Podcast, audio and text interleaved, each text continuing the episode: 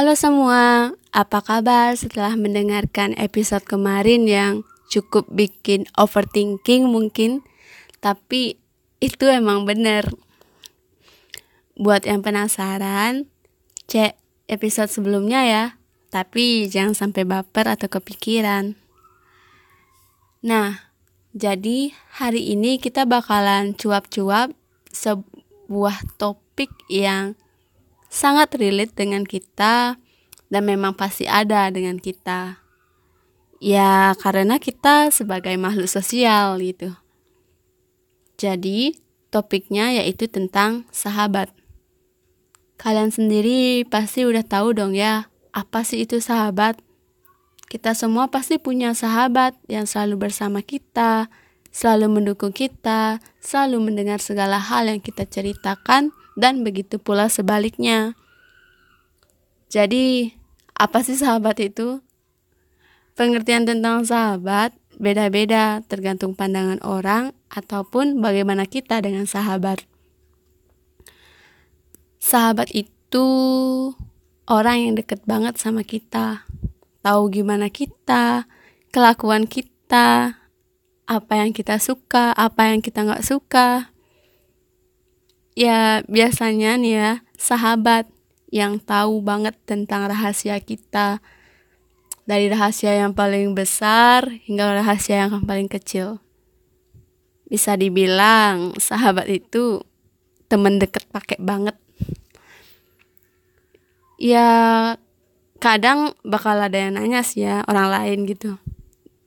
Dan yang paling lucu atau paling sering dengar pertanyaan kok kita bisa jadi sahabatan dengan mereka? Ya kayak gini. Kok bisa sih kalian bersahabat? Bagaimana ceritanya? Nah kan jadi agak gimana ya? Mau jawabnya itu kalau dibilang ya bisa aja nanti malah masa iya bisa aja? Apa pun itu pasti ada alasannya dong kemudian kita mikir lagi nih ke belakang bagaimana kita bisa bertemu dan menjadi sahabat dengan mereka.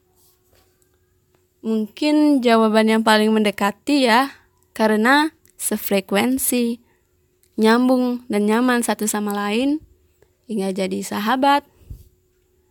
Hmm, apalagi ya? Menurut kalian apalagi?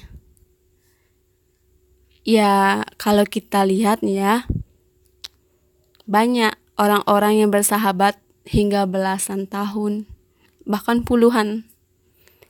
Walaupun masing-masing udah mempunyai jalan sendiri, tapi gak ada yang namanya selesai atau putus dalam persahabatan yang udah dijalin lama banget.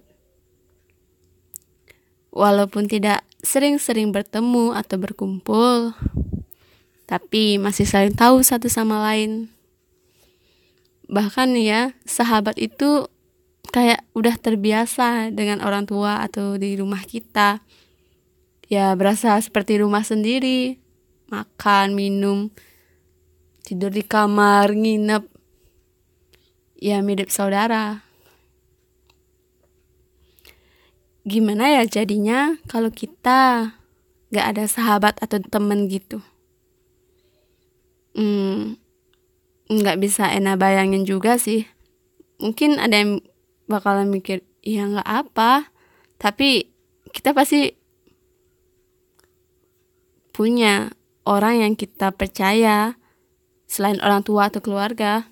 Kita pasti perlu yang namanya saran atau kritik saat punya masalah yang kita sendiri kayak mau nyerah atau nggak tahu harus gimana lagi Tentu kita nggak mungkin memendam masalah itu sendirian dan berakhir tertekan hingga menjadi hal-hal yang tidak diinginkan seperti sakit kepala atau stres mungkin. Hmm, menurut kalian benar nggak? Kadang kalau minta saran sama sahabat atau temen deket gitu, ngasih kritikannya tuh pedas banget dan langsung jelek gitu.